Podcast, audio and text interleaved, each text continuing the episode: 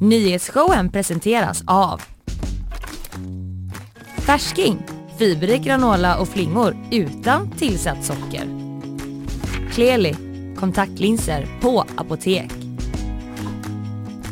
Fello, Göteborgs alldeles egna mobiloperatör. Mm, god morgon Fanny. God morgon. Eh, vad länge det höll sig. Mm, Jag blev, eh, fick liksom slut på ord efter god morgon. Ja, men Du- då lägger vi ner för idag. Det var kul att ni eh, lyssnade. Nej, vi ska vakna. Vi ska vakna tillsammans här. Det är du.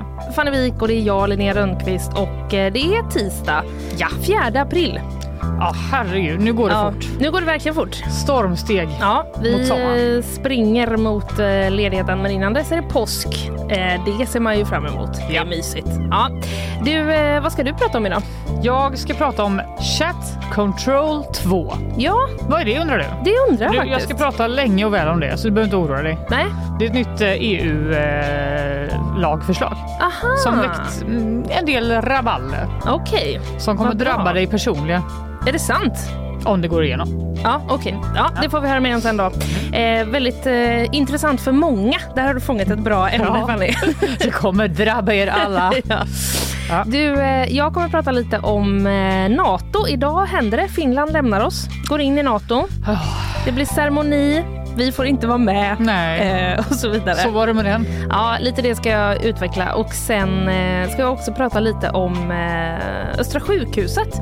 Nu är det så mycket personalbrist där att vårdpersonalen får priolistor på vad de ska prioritera bort helt enkelt. När de inte hinner. Ja, Vad jobbigt. ja det känns lite jobbigt faktiskt. Men eh, så är det eh, i alla fall. Sen får vi ju eh, också gäst idag. Idag är det Åsa Wettergren som kommer hit. Ja, Hon är professor i sociologi på GU och vi ska prata om klimatrörelsen och känslor. mm. Vad har de för känslor i klimatrörelsen egentligen? ja jag tycker att det känns, eh, känns. Ja, eller hur? Det känns bra för mig Ja. att vi ska prata om det. Ja, det gör det. Skönt. Ja, vi, ska också, vi ska prata lite om liksom vad de har för strategi. Alltså typ det här, ska man väcka, ska man vara arg? Ska man vara hoppfull? Ska Ja. man eh, liksom bara deppa ihop totalt? Det har hon eh, forskat på och har eh, koll på. Sen blir det lite bakvagn också. Vill du eh, nämna något du har Det där? blir Gift vid första ögonkastet. Mhm. Det blir Zlatan-statyn. Zlatan-statyn? Det blir Pontus eh, Rasmusson.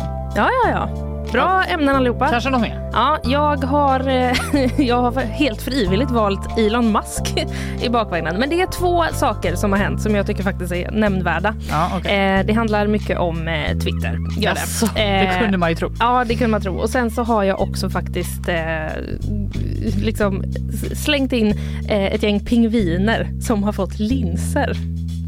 I ögonen? Ja, Nej, vad jo, gulligt. jag vet. Det är så gulligt. Så vi kunde liksom inte... Pingviner, vilket toppendjur. Det är väl ändå ett toppendjur. Jag kunde liksom inte låta bli den när eh, jag såg den. Blev lite rörd. Nu Ja. överdriver jag kanske. Men eh, det är i alla fall det vi eh, har. Du, hur eh, mår du? Eh, bra, alltså vi närmar oss ju påsken. Min Ja. favorithögtid. Ja, Den är så trevlig och kravlös. den är det. Och underbar. Och Ja. Det kommer vara jättefint väder och man behöver liksom inte göra något. Men man kan göra något för man är ändå ledig Ja. ganska länge. Ja, det är ändå fyra dagar. Ja, ja Men- typ ännu mer. Den har ju, påsken har ju, alltså vi började prata om påsken här på redaktionen för liksom, jag vet inte, två månader sedan. Kändes det som. Ja, Det känns som att vi, vi, behövde en, eh, vi behöver en lång helg. Ja, ja det, är man ju, det är man ju sugen på. Mm. Men eh, det känns som att vi liksom, jag för mig, jag sa någonting till eh, Emily för någon vecka sedan om så "Ah, Snart är det påsk! Alltså var verkligen så överpeppad. Och eh, då var Emily ändå lite så eh, Snacka inte upp det för mycket här nu. Va? För då kommer det vara, nej men för då kommer vi ha för höga liksom, eh, förväntningar.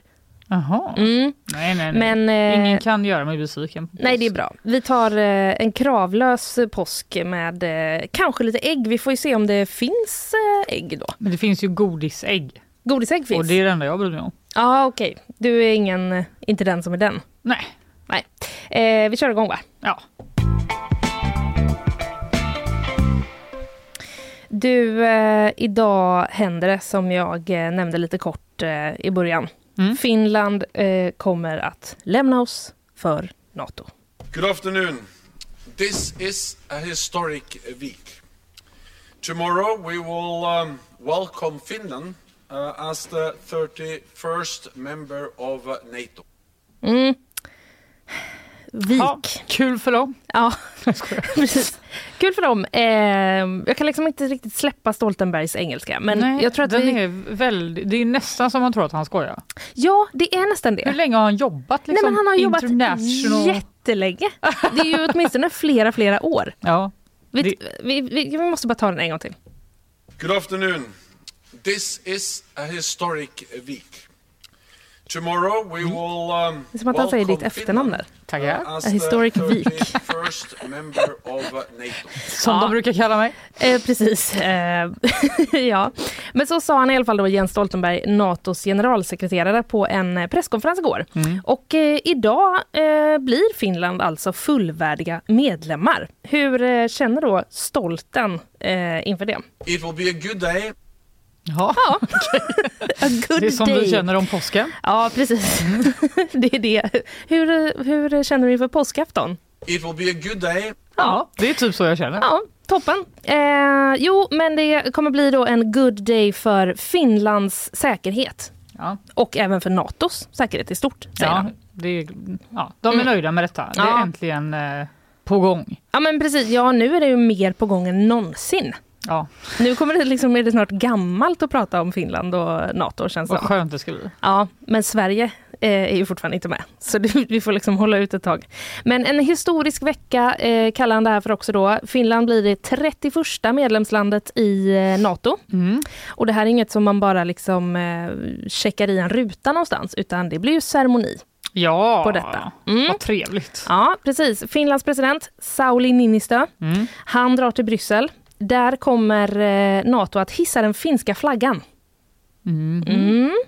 Bjussigt. Bjussigt, ja precis. Vi kommer in lite mer på ceremonin eh, sen. Men eh, Stoltenberg sa faktiskt under den här presskonferensen också att Sveriges säkerhet förbättras av att Finland nu blir medlemmar. Jaha, Ett litet plåster på såren till oss. lite tröstpris. Ja, precis. Men vi är ju fortfarande inte med. Nej. Eh, St eh, Stoltenberg fick då en fråga på presskonferensen om, eh, är, om är det en besvikelse att Sverige inte blir medlemmar samtidigt som Finland? Mm. Eh, fick han frågan. Jag är helt säker på att Sverige kommer gå med och att det, här, eh, och att det kommer att ske så snart som möjligt. Okej. Lite av ett icke-svar. Nej, det Eller? var ju, nej, det var det ju inte. Nej. Utan det var mer så. Ja. Det, det löser sig. Nu pratar vi om det här som bra istället. Nu har jag svarat på den. Mm. Eh, men apropå det här om att även vår säkerhet förbättras så tog han upp att eh, både Sverige och Finland har haft en särskild status sen i somras. Mhm. Vi har ju fått vara med på lite möten och sådana grejer. Just det. Mm. Vi har liksom fått eh, kika in eh, där. Och han säger då att eh, Finlands medlemskap kommer stärka oss eftersom vi är så nära sammanknutna. Mm. Finlands sak i vår sak, så att säga. Ja, det verkar inte så. Men eh, Ja, precis. Men är Sveriges sak Finlands sak? Exakt. Och vad är saken egentligen? Nato. Nato Ja. i det här fallet. Ja. Ehm, här- så här säger han också, man får inte se det som att Sverige har lämnats utanför, utan de är på mycket god väg. Mm, Okej, Lite får man väl ändå säga att vi faktiskt är utanför. bokstavligt talat. Ja. Faktiskt. Ja. Om man Ja. nu ska vara sån. Men åter till eh, ceremonin eh, idag då. Förutom presidenten så skickar Finland också försvarsministern Antti Kaikkonen och utrikesminister Pekka Haavisto. Mm. De tre eh, åker. Mm. Och mycket krits, eh, kretsar då kring den här flagghissningen. Okej. Mm. Det var jag, jag var lite så, aha, lite dissig mot det. Men det är en, det är en grej. Ja, det är absolut en grej. I ett eh, pressmeddelande där från eh, Sauli Niinistö så omnämns flera gånger eh, flagghissningsceremonin. Ja, Kan vara ett av de längre orden det, jag har ja läst på ett tag. Men det är också lite svårt att göra det speciellt. Det är ju Ja. vad det är liksom. Du Ja. ska hissa upp ett tyg i en stång. Ja, exakt. Jag hade ändå förväntningar, jag hade förväntningar på att jag skulle kunna berätta liksom att ah, den här ceremonin, först kommer det in liksom barn eh, från en barnkör, du vet, och så Först sen kommer det kommer... bandet The Rasmus. ja, exakt. Så kommer. Lordi och kör en sån. Fan, vad, nu börjar det likna ja, Jag vet inte riktigt hur de, hur de låter nu för tiden. klockrent. Men eh, det hade, man hade ju önskat att det liksom ändå var lite, att de satsade lite Ja, ja, när, de väl, när de väl får gå med. Ja. Men det, är- det liksom festligaste eh, verkar vara flagghissningsceremonin. Utan, Ja. utan komp. Utan komp. Ja, Mm. ehm, det känns ju rimligt att de kör någon liten typ så trumpetfanfar eller någonting. Ja. Vi får helt enkelt se eh, vad som händer. Men innan den här flagghissningsceremonin så ska de ju också göra vissa formella saker Mhm. som, inte, som liksom eh, krävs. Eh, de kommer lämna in olika dokument. Mhm. Finland gör det. Mm. Eh, de kommer hålla tal, både Finlands president och Stoltenberg. Sen ska de två ha ett möte. Sen ska de ha en presskonferens. Och först efter det, eh, tolkar jag det som, så kommer flagghissningsceremonin. De bara, vi sparar det till sist. Ja. Så alla är riktigt på tårna hela dagen. Ja, precis. Men det är ju också så att eh, det är ju en, eh, liksom, det kommer ju ändå vara en, en bild som är eftertraktad av många medier. Mhm. När de står där, tänker jag, och hissar Ja, flaggan. Vi kommer definitivt se den. Den kommer vi på en se. sajt nära ja, oss. det kommer vi göra, absolut. Mm. Men när det här beskedet eh, kom igår då, att de blir fullvärdiga medlemmar eh, idag, Mm. då rapporterade statliga ryska medier att eh, Ryssland kommer att stärka den militära kapaciteten i väst och nordväst som ett svar. Okej. Japp. Men kom då ihåg att Stoltenberg har sagt att eh, det hjälper även Sveriges säkerhet. Ja, ja, ja. Eh, ja. att vi är med. glada. Vi tar det vi kan få. Ja, precis. Och eh, SvD, de har pratat med Henry Vanhanen, forskare vid Finska utrikespolitiska institutet. Eh, och han eh, håller med Stoltenberg Mm. om det här. Om jag liksom ska försöka betrygga om det är någon som är orolig. Ja, ja, det känns bra Ja, för mig. Mm. Ja. Han håller med. Han säger att eh, Finland då som fullvärdig medlem kan sätta större press på Ungern och Turkiet. Det är ju de två länderna som inte har godkänt vår ansökan. Ja. Eh, så här säger han, Finland kommer vara en högröstad medlem för Sverige inuti alliansen. Okej. ja. Fortfarande De kommer fortsätta liksom kämpa för oss men eh, den stora skillnaden när vi vaknar imorgon är väl att eh, Finland är eh, med Och vi är alltså inte med. och vi, Vi är alltså, alltså inte med. eh, vi är alltså fortfarande inte med. Nej.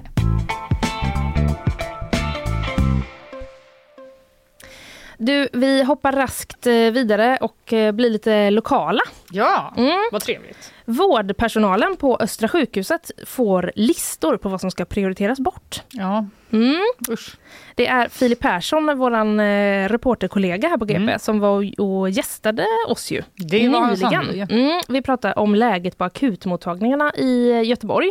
Eh, och nu rapporterar han nytt, eh, sjukhusnytt helt enkelt. Tur vi har honom. Ja, verkligen. Nu är det då Östra sjukhuset, för där har Arbetsmiljöverket beslutat att eh, sjukhuset måste ta fram prioriteringslistor på vad personalen ska göra när det blir överbeläggningar. Okej.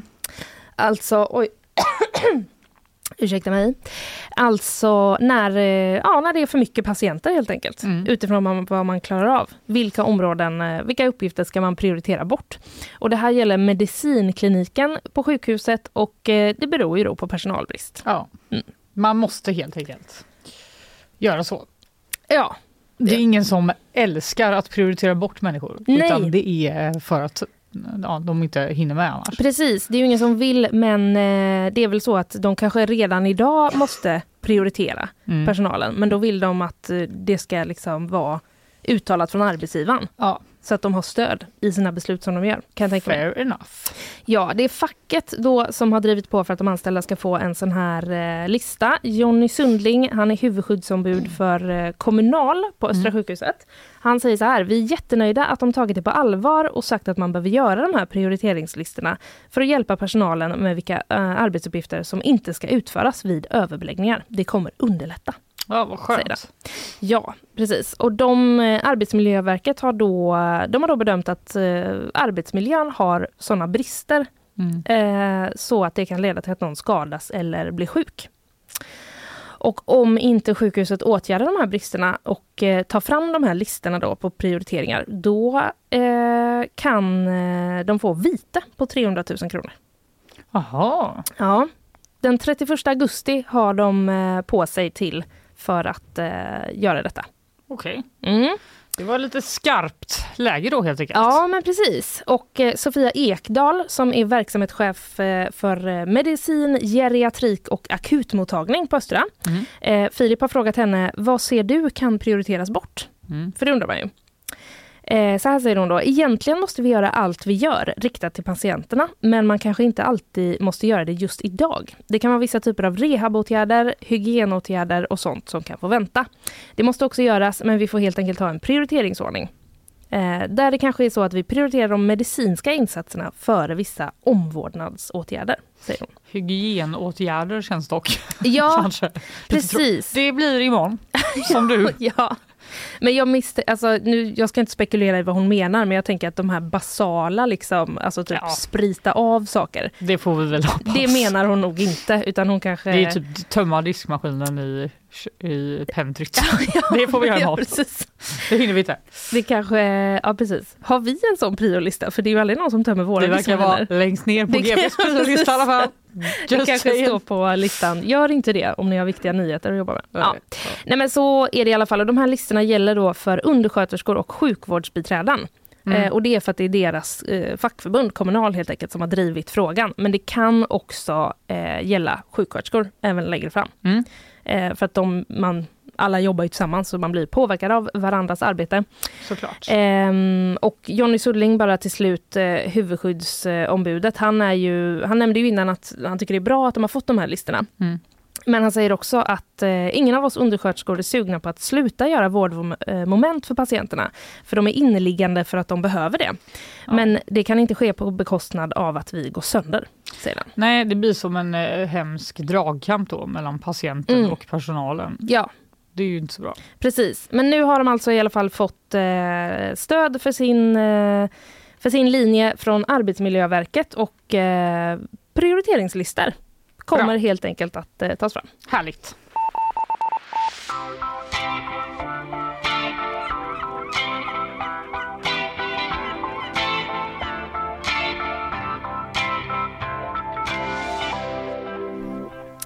Du, eh, här sitter jag och tänker på våra sponsorer. Ja, vad trevligt. Mm, vi tar och lyssnar på dem. Ja, det gör vi. Nyhetsshowen presenteras av Färsking, fiberrik granola och flingor utan tillsatt socker. Kleli, kontaktlinser på apotek. Fello, Göteborgs alldeles egna mobiloperatör. Sällskap eh, har vi fått eh, här eh, framme vid bordet. Ja, Och det är kanske många som kan gissa vem det är. Det är ingen högoddsare. Eller vad är det nu? Jag glömmer alltid åh vilket som är. nej. Förlåt Isabella, vad sa du nu? Högoddsare. Är det det? Det var rätt. Rätt. Ja, det var bra. Jag förstår inte varför Din Det är ingen låg- i din blick. jag... ja, men... Högoddsare. Högoddsare. Om det är liksom, om det är troligt att det är du. Då är det en lågoddsare. Ja, så då är det ingen högoddsare. Ja. Ja. Det är så ointressant det här men jag kan ändå aldrig låta bli liksom och jag bara Det hamnar blir där. bakvänt. Ja. Mm. Men eh, du... Det är jag. Det är Det det, var mig. här. Det är Isabella Persson. Nu ska vi bara försöka ta oss ur det här och eh, gå över på ett nyhetssvep istället. Det gör vi. Ett passagerartåg har spårat ur i Nederländerna. Minst en person har dött och 30 personer skadats varav flera av dem ska ha allvarliga skador, rapporterar The Telegraph. Olyckan har inträffat i samhället Voorschoten som ligger mellan Haag och Amsterdam. Och enligt lokal räddningstjänst ska det ha stått byggutrustning på spåret som orsakat urspårningen. Drönarattacker har i natt rapporterats i ukrainska Odessa. Myndigheter skriver på Facebook att de ryska attackerna orsakat skador men hur omfattande framgår inte. Däremot varnar man för en möjlig andra våg idag. Odessa var innan kriget en populär semesterort i Ukraina och FN-organet Unesco satte i nu får jag tydliggöra, min snubbla lite på orden här. Och FN-organet Unesco satte i januari Odessas gamla centrum på sin lista över världsarv som är i fara. Igår hittades en kvinna i 40-årsåldern svårt skadad i en bostad på Hisingen och hon avled senare på sjukhus. En man har nu anhållits misstänkt för mord och polisen larmades tidigt igår till bostaden med informationen att det pågick ett bråk. Och det ska ha varit mannen som larmade. Där fann man då kvinnan med svåra skador och mannen ska också ha haft mindre skador. Ett minderårigt barn ska ha befunnit sig i bostaden i samband med händelsen och enligt åklagaren finns det anledningen att tro att det fått bevittna delar av händelsen. Donald Trump är nu på plats i New York i väntan på domstolsförhandlingar som ska inledas ikväll svensk tid. Exakta åtalspunkter är inte offentliggjorda än men målet handlar om att Trump ska ha tystat porrskådisen Stormy Daniels med hjälp av pengar. Igår ska han direkt tagit sig till sitt Trump Tower för att samla sitt försvar och det var ett stort pådrag på New Yorks gator när anhängare samlades för att visa sitt stöd till ex-presidenten. Men några större ordningsstörningar har inte rapporterats. Ah. Nu bubblar det va? Ja, åtalspunkterna får vi alltså reda på då eh, ikväll. Ja, man tror att det finns eh, bedrägerier och såna här typer av åtalspunkter men det framgår inte riktigt vad det är ännu. Nej, okej. Oj. Det var väl också skönt. Det var ju, det var ju ändå några som hade eh, oroat sig för eh, lite oroligheter Ja. när han skulle komma dit. Ja, Men det verkar ju ha gått lugnt till. än så länge i alla fall. Så, Just det, ja. det är inte över än. Nej, men det har nog varit en del folk som har samlats. Just det. Mm. Mm. Eh, imorgon, det kan vi ju faktiskt säga, men imorgon så kommer ju eh, Britt-Marie Mattsson hit Ja, det känns vad och skönt. gästar. Precis, våran USA-expert här på GP. Tydliggöra vad det är som händer. Mm. Precis, då kan hon liksom kommentera vad är det som kommer eh, ikväll. Vi jobbar ju lite så att vi försöker tänka steget före och då har vi lyckats med det i det här fallet. Och eh, Japp, har tänkt, japp. på onsdag kommer vi vilja veta eh, ungefär vad som eh, händer. Ja. Mm, det, verkar som att, ja, det verkar som att han ska hålla något tal ikväll också. I natt. Aha. Som blir för oss Okej. svensk tid. Så Ja. då kanske det har kommit lite nya uppgifter. Ja men det har det säkert. Eh, det kanske även har kommit lite nya uppgifter till nästa nyhetssvep. Det kan det ha gjort. Eh, vi får se. Vi, vi Ses om en stund. Ja.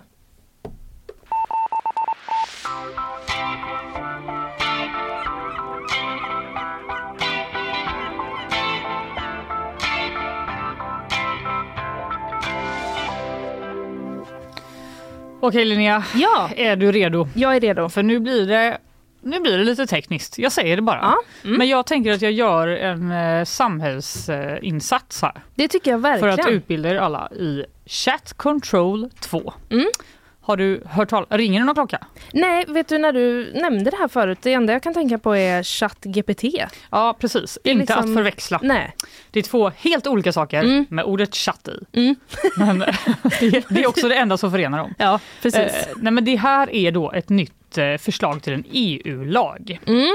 som har fått då smeknamnet Chat Control 2. Den, den har ett jättelångt formellt namn som jag inte Okej. ens kommer att eh, ta upp nu. Mm. Men det, eh, det här förslaget har i alla fall väckt ganska skarp kritik bland de initierade. Mm. Men hos oss, liksom vanligt folk, har det inte snackat sådär jättemycket. Nej, det här Trots, känns ju... Förlåt, men det här känns ju som första gången jag hör om det. Eller hur? Ja. Och detta då trots att det, det här, den här lagen, om den går igenom, i allra högsta grad kommer att påverka oss alla och vår integritet Mm. online då. Och vad går den ut på? Mm. Jo, grunden är att EU då vill kräva av techjättarna att de ska då jaga övergreppsmaterial på barn via sina tjänster. Mhm.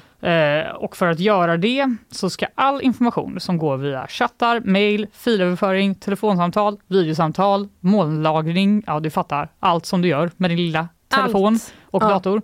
Eh, det ska analyseras då i jakt på de- det här materialet. Mhm. Det gäller alltså inte bara bilder utan även meddelanden och konversationer som Men- ska analyseras då automatiskt. Telefonsamtal? Ja, det, det jag förstår jag inte exakt hur det ska gå till och det Nej. finns inte heller exakt beskrivet. Nej. Men det handlar ju då om att det ska automatiskt analyseras Ja. så att det liksom inga ska lyssna efter kunna... någon slags ord då kanske? Exakt, och Ja. samma i text då, att inga Ja. pedofiler ska kunna lura barn Mm. i typ Messenger eller på olika spelplattformar Mm. eller vad den typen av brott pågår. Och det här görs redan idag till viss del. Det finns alltså en tillfällig lag i EU, Mhm. Chattkontroll 1. Men den eh, lag, lagstiftningen är att den här skanningen ska ske frivilligt av företagen. Aha. Eh, och den, eh, ja, nu måste ju den lagen då förlängas eller då ett nytt förslag så, måste komma Mm. för att eh, det här arbetet ska göras överhuvudtaget. Mm. Och där, därför har det här nya förslaget då från EU-kommissionen eh, kommit om att det ska bli obligatoriskt att skanna efter, rapportera eller ta bort den här typen av material. Okej.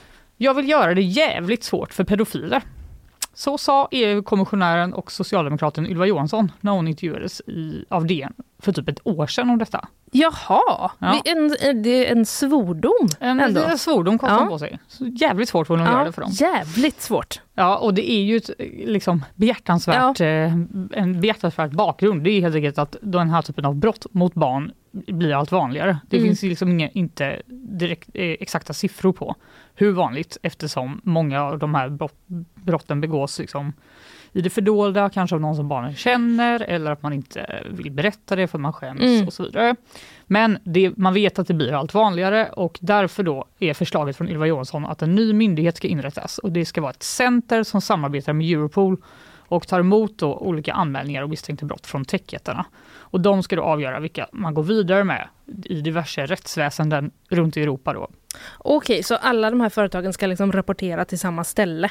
Ja, Ja. Det, så verkar det vara. Mm. Och det här centret ska också då stötta offren typ om du Mhm. blir utsatt för till exempel en läcka, en video typ, där Mm. du blir utsätts för ett övergrepp. Mm. Att den sprids så ska du kunna få hjälp med det. Det låter väl bra? Ja, Ja, det tycker inte alla. Eh, Den europeiska dataskyddstillsynsmannen mm. Eh, Han säger till exempel att chat control kommer begränsa användares möjlighet att utöva sina grundläggande mänskliga rättigheter. Det vill säga rättigheten att inte övervakas i allt du gör. just det. Eh, Och det här förslaget har fått jätteskarp kritik från flera håll. I Tyskland säger man, det kan ni glömma. Den lagen ska vi inte ha. Även Mhm. Österrike, Nederländerna och Irland verkar vara emot det här lagförslaget. Mm. Men i Sverige, där är vi för. Nu i fredags, tror jag det var, så kom eh, regeringens besked om att det blir tummen upp. Jaha. Regeringen och även Socialdemokraterna eh, är för förslaget. Okej. Centern och SD säger nej tack. Nej. Eh, Miljöpartiet och Vänstern verkar inte ha bestämt sig riktigt i frågan.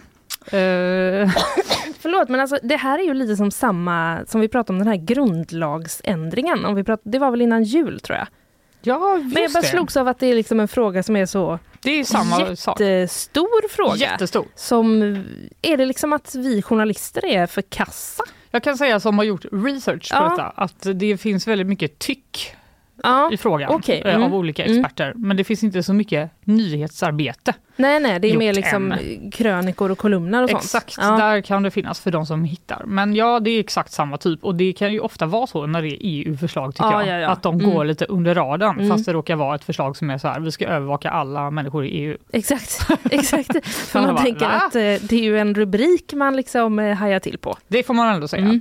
Och kritiken då, som har kommit från diverse håll, den rör ganska många olika punkter. Mm. Och vi ska lyssna nu på en IT-expert som heter Karl Emil Nicka och han har varit med i Expressen.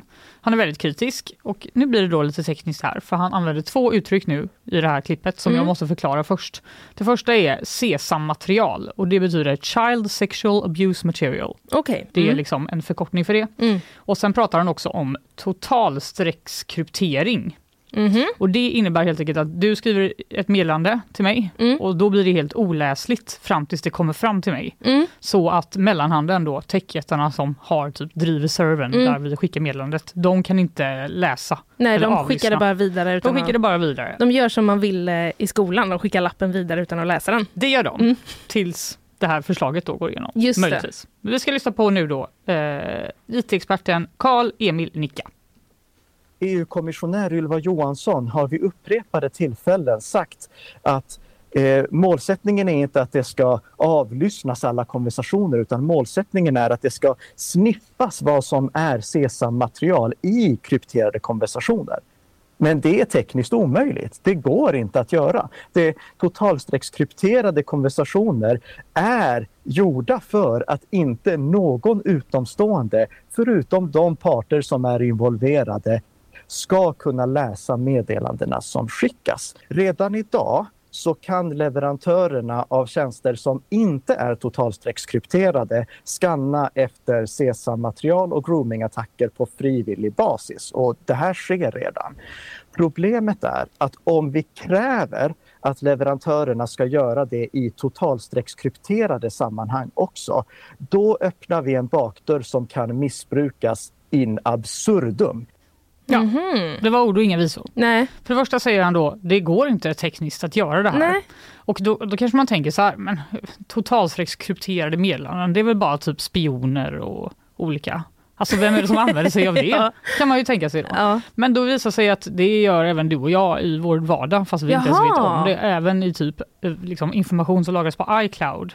Aha. Den är också krypterad och viss del av den informationen är totalstreckskrypterad Mm. för att skydda då användaren eh, från läckor till exempel. Ja, det Eller- känns ju bra. det känns väl bra. Men det- Även typ din Gmail kan vara Ja. delvis totalstreckskrypterad. Ja. Men det kan väl också användas, tänker jag, förutom spioner av, eh, av journalister? Ja, vi Mm, använder ja. ju ofta Signal, Ja. eller Signal, jag tror att den är en brittisk app som Mm. eh, man kan använda sig av då för att eh, om man som källa vill prata Mm. med en journalist utan att kunna rubbas. Mm. Eh, och det är ju för att den är helt krypterad, Mm. så ingen kan veta var det meddelandet kommer ifrån. Eh, och då menar då Carl Emil Nicke att om man börjar övervaka på det här sättet som förslaget är eh, menat att göra så kan det missbrukas i längden. Typ nu kanske du letar efter barnporr, Mm. men sen kanske du letar efter terrorister och sen kanske Just du börjar leta efter politiska motståndare och så vidare och så Mm. vidare. Och, så vidare. Eh, och att om man börjar då rucka på den här rätten att kommunicera utan att övervakas, vad ska det sluta då? Mm. Men lagförslaget säger att totalstreckskryptering inte ska motarbetas. Uttryckligen står det i lagförslaget. Jaha. Eh, och då innebär det helt plötsligt då att den här skanningen måste ske på din egen mobil. Alltså inbyggt då i apparna eh, som du använder till exempel. Och det får då DNs techkille Linus Larsson att fråga sig Ska det vara olagligt att ha appar installerade om de inte har inbyggd statlig skanning efter visst material? Alltså, det, är Hmm. liksom, eh, utan att veta allt om det här, men vissa liksom delar, typ så som det här, låter ju...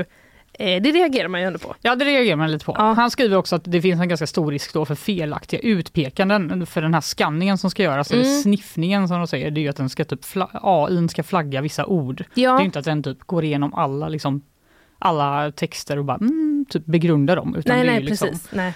ord och bilder som den ska flagga och eh, det kommer ju vara automatiserad mjukvara då som gör det och inte en Mm. människa. Mm. Så om misstänkta ord eller bilder upptäcks av chat controls algoritmer så kommer de att flaggas och skickas vidare då till olika rättsinstanser, typ polisen i Belgien, om du råkar bo i Mm. Belgien. Mm.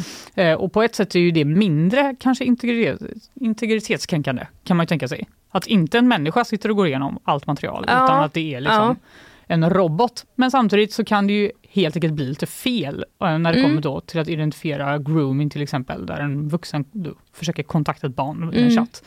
Eh, Linus Larsson skriver att eh, det, det kommer krävas väldigt avancerade algoritmer. Kanske någonting som påminner om hur spamskydd eh, försöker gissa vad som är skräppost och inte. Och som alla med ett mejlkonto vet så fungerar det bara i vissa fall. är men, men mycket sämre i andra fall. Ja. Och det vet vi ju. Jag får ju dagligen så här eh, du har vunnit en triljon dollars! Ja. Du behöver bara fylla i alla dina uppgifter här. Och då har vi ändå ganska avancerade spamskydd tror jag. Ja, det har vi ju På ändå. GP. Eller hur? Ja. Eh, och i SvD så skriver även Jon Karlung Ban- Bahnhof.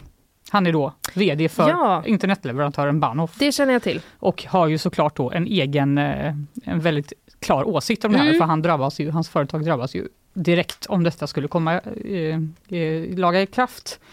Och han säger att eh, EU-kommissionen vill bygga en av historiens största övervakningsapparater enligt honom då. Och Mm. att eh, det här förslaget är livsfarligt för individen och demokratin och att om eh, det här går igenom så kommer det bara leda till självcensur.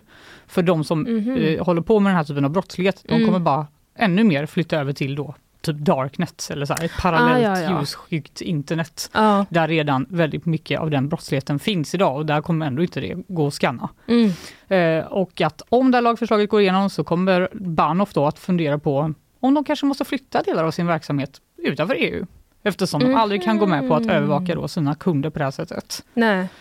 Eh, och Ylva Johansson har ju sagt innan att hon har liksom förväntat sig att få eh, lite eh, liksom motstånd från internetbolagen. Mm. Som de, de har ju massa andra intressen också att skydda, Mm. eh, inte minst ekonomiska.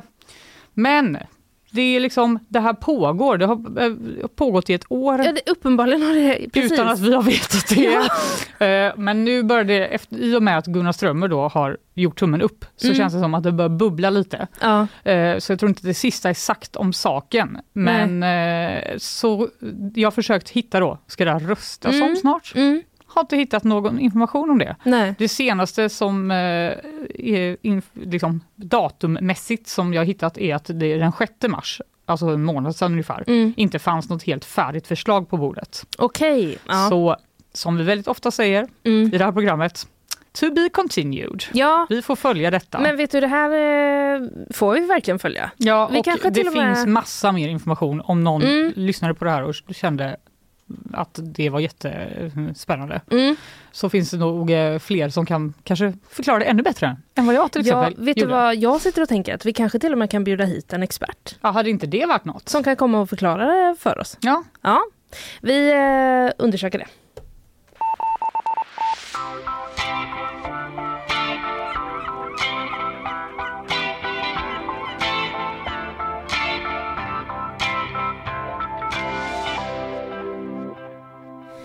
Sådär, eh, du, vi är framme vid, eh, alldeles strax i alla fall, att vi ska släppa in dagens gäst. ja, Klimatrörelsen och dess känslor är det Ja. vi ska prata om.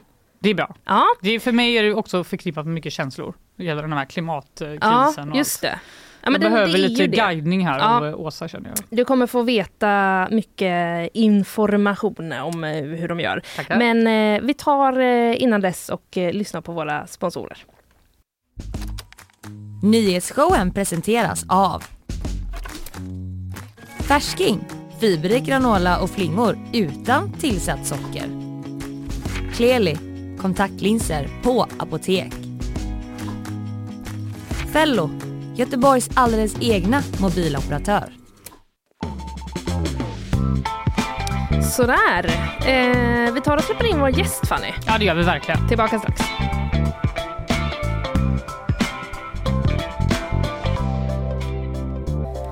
Så nu ska vi då prata lite om hur klimatrörelsen mår egentligen. Eh, Skit skulle man ju kunna tänka sig eftersom rapport på rapport visar att eh, klimatförändringarna bara blir fler och fler och att den globala uppvärmningen ökar. Ja, ni vet ju ungefär hur det brukar låta. Inte speciellt upplyftande, det kan man ändå säga. Det kan man säga. Mm. Men vad har då klimataktivisterna för strategi? Är det ilska? Är det hopp? Eller har man gett upp? Det här ska vi nu prata om med Åsa Wettergren som är professor i sociologi på Göteborgs universitet och som forskar på precis det här. Välkommen Åsa! Tack så mycket. Du, eh, man har ju kanske en känsla, eller jag har en känsla i alla fall, av att klimatrörelsen eh, eh, nu liksom inte syns och hörs lika mycket som det gjorde kanske för några år sedan. Är det, är det en känsla liksom som eh, stämmer, eller vad skulle du säga? Vad är din känsla? Nej, men jag tror att de är minst lika aktiva nu som de har varit, Mm. men på andra sätt. Och sen är det ju en förskjutning från kanske att vi hoppas till att vi är mer arga och frustrerade. Så. Mm. Men det är ju, å andra sidan så tror jag att eh, klimatrörelsen över tid, kanske 20 års tid eller mer, faktiskt har jobbat med att anpassa sitt hopp och hantera sin vrede på olika sätt och sin frustration. Och nu, nu blir det ju mer och mer, alltså saker och ting ställs på sin spets och då, då är det klart att det kan slå över mer i vrede och då möter man också andra reaktioner och kanske lite mer repression. Så. Mm. Mm. Ja, för jag tänker när Greta Thunberg var liksom på sin peak och fick prata i FN och sådär så var hon ju skitförbannad och Mm. skällde ut alla Mm. makthavare över hela världen och alla fick sig en släng av sleven. Och det var inte bara hon utan det var liksom den allmänna stämningen då att folk demonstrerade och de krävde förändring. Och liksom. Men att det här att vara arg som strategi har ju liksom varit ganska omdiskuterat inom klimatrörelsen. Ja, alltså i den rika delen av världen så har ilska som kollektivt uttryck, alltså för en social rörelse, inte varit speciellt eh, produktivt. Man blir ganska utdefinierad och media fokuserar på våld istället för på budskapet. Och, eh, samhället i stort i, i ett välfungerande så att säga, kapitalistiskt konsumtionssamhälle bygger på att folk är trevliga mot varandra och litar på varandra och då kan man inte gå runt och vara arg eller se arg ut för då, då sabbar man hela den kollektiva Det trygga överenskommelsen. vi Det trygga, har. ja precis. Eh, och så att, så att, eh, när vi började intervjua eh, klimatrörelseaktivister 2012 till 2016 i ett projekt så var de väldigt tydliga med att vi Vrede är en produktiv kraft, så att säga. Det får, en- får en upp i soffan, in i rörelsen, men det är ingenting vi kan jobba med utåt, utan vi försöker att hantera det på andra sätt och vi vill gärna skicka ett positivt budskap, alltså att det finns hopp då. För det mobiliserar folk eller det, det skapar liksom hopp i samhället och då, kan, då kanske vi kan lyckas med det här. så. Men det var ändå liksom uttalat Mm. inom rörelsen Ja, att vi ska det- inte fronta med den känslan eller vad man ska Nej, säga. men direkt eller indirekt. Jag skulle säga att eh, globala syd, eller alltså de fattiga länderna, utvecklingsländerna och deras aktivister på närvaro på eh, de här FNs klimattoppmöten, de, de var ju arga redan då och de är ju ännu argare nu såklart för att de hade redan drabbats av klimatförändringarnas effekter, alltså rent konkret så. Mm. Eh, de var arga, de var ledsna och jag tänker vrede och det är ju, vrede är en maktkänsla, ledsenhet är en vanmaktskänsla. De ligger ganska nära, för det kan ju vara så att man pendlar mellan dessa två så att säga. Men de utkräver ju ansvar av eh, de rika länderna för att det är vi som har eh, företrädesvis producerat all den koldioxid som, som gör att de idag kanske mister sina hem och inte har råd Mm. att reparera det och så. Men om man, om man tittar bara liksom, eh, lite samtida på Paris till exempel och den här pensionsreformen. Mm. Där är det ju ändå där är ju ändå bilden, tycker jag, som man får i media, att det är ganska mycket vrede och de tänder eld på liksom, eh, sophögar och, och sånt där. Du tänker på eh, pensionsreformen i Paris? Där, ja. Precis, Ja. Ja. ja. precis. ja, alltså jag tror att det finns, och nu, nu flyttar vi oss lite bort från klimatrörelsen här, men, men det, det finns en oerhörd vrede i stora lager av befolkningen och frustration idag. Jag tror att det beror på, om du nu frågar mig rakt på sak, eh, att politiken saknar visioner för hur vi ska lösa vår tids stora problem. Och det är sociala, socioekonomiska, sociala och ekonomiska klyftor som ökar väldigt tydligt både globalt och inom länder. Eh, men det är också klimatet och hotet från klimatförändringarna som ju faktiskt är ett hot mot mänskligheten. Vi hörde det på media nu när IPCC-rapporten kom. att det, det här är ett, eh, mänsklighetens framtid står på spel. Men politikerna har inget svar på vad, de har inga visioner om hur, hur vi ska liksom lösa Mm. det här på ett klokt sätt, utan snarare så gör de tvärtom nu då. Är det Mm. det som man kan säga som skiljer eh, kanske just klimatrörelsen då från andra rörelser som ju ofta har varit liksom mer vrede? Och sådär. Eller varför tror du att... Eh, ja, men alltså jag tror att i det här fallet när du pratar om vrede och vredesuttryck i, i Paris nu, eller i Frankrike, så, så, så är det ju liksom det största delen, majoriteten av de rörelserna som går ut och mobiliserar runt sådana här frågor, är oftast inte våldsamma och uttrycker oftast inte vrede så starkt. Nej. Men de drar med sig de, Mm. de grupperingarna som också är, bara behöver utlopp för sin frustration och som kanske inte riktigt... Alltså de, det, jag tror jag läste att det var några, pro- 2 procent eller något sånt där, den här rörelsen, Mm. som faktiskt har sabbat hela Paris, alltså nästan Mm. slagit allting sönder och samman. Så, att, så att det, det är ju återigen ett tecken på vad som händer när man, när det, när man får sådana uttryck i en Mm. rörelse. Eh, vare sig de är med eller inte, så att säga, men de följer med som ett, de kallas för black block. ehm, Okej. för det mesta, eh, eller så, inom rörelseforskningen. Då.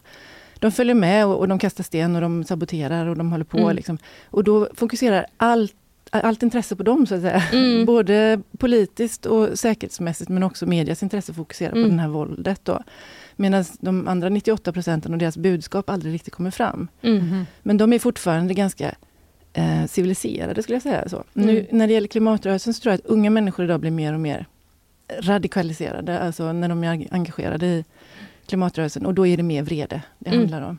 Ja, för du har ju varit eh, på en del av FNs Mm. eh, toppmöten i forskningssyfte. Då. Mm. Hur skulle du liksom beskriva stämningen där? Hur agerar de klimatgrupperna som är där? Ja, alltså det är ju intressant för att det finns en stark skillnad mellan innanför och utanför um, själva toppmötesforumet. Då. Mm. Man behöver ju speciella kort, eh, man behöver akkreditering för att vara liksom, tillåten att komma in där. Vi hade det som forskare. Sen fanns det en ungdomsgrupp som, eh, som då representerade unga i världen, så att säga, som också hade kort.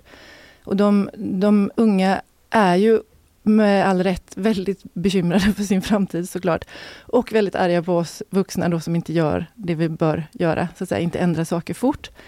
Eh, och det var även de unga som var inne på, då, inne på själva FN-toppmötet, men de kunde liksom inte uttrycka den eh, sense of urgency, alltså den paniken som Mm. unga kan känna då, som, som till exempel eh, eh, Greta gav uttryck för. Mm.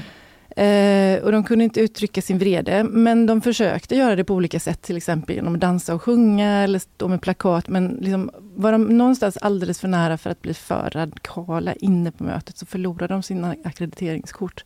Mm. Så att det var liksom, och det var ganska mycket diskussion om det i Warszawa 2013 till exempel, för då försökte de sig på lite olika aktioner inne på toppmötet. Då.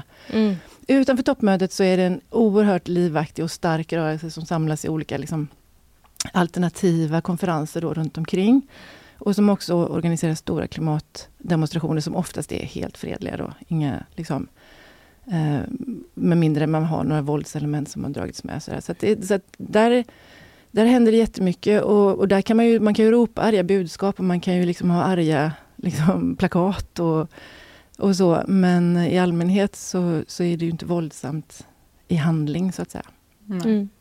Men eh, du nämnde det lite innan där att liksom, historiskt har man velat, man kanske har varit arg men velat förmedla hopp eh, utåt. Men att man kanske nu, att man går mer mot liksom vrede nu. Alltså är det någon typ av identitetskris i klimatrörelsen? Ja, alltså hopp är ju en känsla som man hela tiden måste anpassa efter hur gick det när vi hoppades på det här. Mm, mm. och vi har ju länge hoppats på en och en halv graders målet. Eh, det var också ett hopp som bakades in i Parisavtalet, fast Parisavtalet säger att vi ska ligga under två grader. De säger inte att vi ska landa på en och en halv grad, utan de säger att vi ska försöka hålla oss så nära mm. en och en halv grad som möjligt, under två grader. Idag vet vi att vi har missat det målet. En och en halv är, är faktiskt kört. Eh, det, det sägs om och om igen. Sen finns det väldigt många klimatforskare och aktivister säkert också som som säger vi får inte släppa det målet. Av strategiska skäl måste vi fortsätta hoppas på det, för att då kommer vi ändå försöka verka för att nå dit. Så um, men ja, jag tror att um, um, jag tror att ganska, ganska mycket, man kan se det på Greta, Greta som symbol för hela den här ungdomsrörelsen, som också har radikaliserats mer och mer och som kanske också börjat se komplexiteten i det hela. Det handlar inte bara om global uppvärmning, utan det handlar också om biologisk mångfald. Det handlar om eh, social och biologisk rättvisa. Det handlar om omfördelning av resurser. Det handlar om en jättemassiv systemförändring. Det handlar inte bara om att komma, komma åt liksom, utsläppen. Mm. Mm. Men en del har ju då vänt sig till något som kallas för kollapsologi. Mm. Vad är det? Ja men kollapsologin är då... eh, det, det, är ju inte alltid eh, före detta klimataktivister ska jag säga, utan det kan vara folk som inte har varit speciellt klimataktiva som, alltså i rörelsen så, utan att de, de har bara läst på väldigt mycket om eh, klimat och miljö och läst väldigt mycket böcker om detta och så. Eh, oftast är det väldigt högutbildade människor och kanske väldigt ofta, ganska ofta också vetenskapspersoner själva då, liksom, som har startade av, av, eh, startades av vetenskapspersoner i Frankrike då, som, eh, som skrev en bok som hette How everything can collapse på engelska. Då. Mm. Um, så att, um, och det här är alltså en grupp människor som säger att det är kört. Vi, kom, vi, vi, kommer, vi, vi, liksom, vi är redan på väg att kollapsa. Mm. Det är bara det att vi... Det är inte som i Day After Tomorrow, att det sker så här. Liksom, utan mm. det, det är verkligen en, en långsam slippery slope, så här vi är på väg ner. Och det är vi, oavsett om vi stoppar så att säga, upptaget av fossila bränslen, så kommer fossila bränslen ta slut. Alla andra resurser kommer att ta slut. Vi kan fortsätta gräva efter metaller för att göra för elomställning av bilar och så vidare. Men de metallerna håller på att ta slut. Vattnet håller på att ta slut, rent dricksvatten håller på att ta slut. Um, uh, vi ser den största biologiska uh, massförstörelsen vi har sett någonsin. Den här hur mår du Fanny? Jag mår så dåligt nu. du ta en sån hjärtklappningspaus. Ja, jo, men jag vet, det här är ju verkligen inte så roligt att lyssna på. Nej, det... men, men, men så här är det och, och, mm. och jag tänker att det här är fakta. Liksom. Mm, det här är vetenskapliga fakta. Mm. Eh, sen, sen därmed inte sagt att inte det här kan repareras på något sätt. Jag tänker inte sitta här och förespråka hopp, men men liksom, det är klart att vi måste ju fortsätta. Och hopp i sin alltså om, man nu, om man nu ska säga vad är hopp i detta, det är ju då Enligt kollapsologerna så är hopp bara dåligt, därför att det, får oss, det gör att vi liksom bara sitter på våra rumpor och väntar på att någon ska fixa det. Helst teknologin, helst vetenskapen, ah. helst politikerna. Mm, att någon annan gör det? Liksom. Ja, precis. Mm. Och att vi, och att vi liksom pumpas in i det här hoppet hela tiden, när vi hela tiden får rapporter om mm. att ja men nu har vi fixat det första elflyget och om några år kommer alla flyg att gå på el och så vidare. Eller nu har vi eh, ja, eh, massa ho positiva, hoppfulla budskap om att liksom, vi som civilisation fixar detta och mm. vi behöver inte ställa om på något sätt så, som, som känns obehagligt för någon. Mm. så att, mm. eh, men, så det kallar de för hopium då, eller, eller att man liksom förleds av hopp och det, därför mm. så är hopp dåligt. Och de jobbar aktivt mot eh, att själva känna hopp om detta, så att de får ju verkligen kämpa för det också, för ute i media så finns det mm -hmm. verkligen det är verkligen svårt att inte hoppas på det ja. såklart. För att det är ett gött liv vi lever i den här civilisationen, i alla fall i den rika delen av världen då. Och vi som har det bra. Så att, eh, Men ja. de, de, sitter i någon slags liksom eh, bejaka undergången inställning då? Ja, jag tror att man kan, man kan förstå det som att de har gått från att ha haft väldigt mycket klimatångest. Många beskriver det, att de har varit deprimerade, de har haft ångest, de har haft men att när de väl har bestämt sig för att nu är det kört, Eh, då har man liksom accepterat att det här mm. är kört och då, då vet man på ett sätt. Då kan mm. man känna sig trygg i den kunskapen fall. Man vet att det går åt helvete. Ja. Man behöver inte hoppas att man ska, att inte ska göra det. Och då mm. har man också någonting att utgå ifrån. Alltså då kan jag göra så här till exempel, om man har möjlighet så kan man sälja sitt mm. hus, man kan flytta till landet, man kan börja lära sig hur man odlar sin egen potatis. Mm. Inte så mycket för att de vet att de kommer att kunna överleva, men för att det ändå är någonting vettigt att göra givet vad man vet, det vill säga att det här kommer mm. inte gå så bra. Så. Ja. Men samtidigt finns ju verkligen inte chans till förändring om man bara ger upp och liksom Nej, bejakar att det Precis, och jag tror att det är, det är väl lite grann det som fortfarande driver de delar av klimatrörelsen som, som, som fortsätter kämpa så att säga. Det, jag tror inte att kanske merparten av dem hoppas att politikerna eller andra ledare ska ta sitt förnuft till fånga i tid, för det, har vi redan, det är redan ganska kört det här. Men, men de fortsätter kämpa för det som de menar att det här måste vi ändå kämpa för. Liksom, man kan inte bara mm. gå stilla in i natten, så att säga. Man måste ju ändå kämpa. Liksom. Mm. Man måste göra det som är rätt. Mm. Um, ja.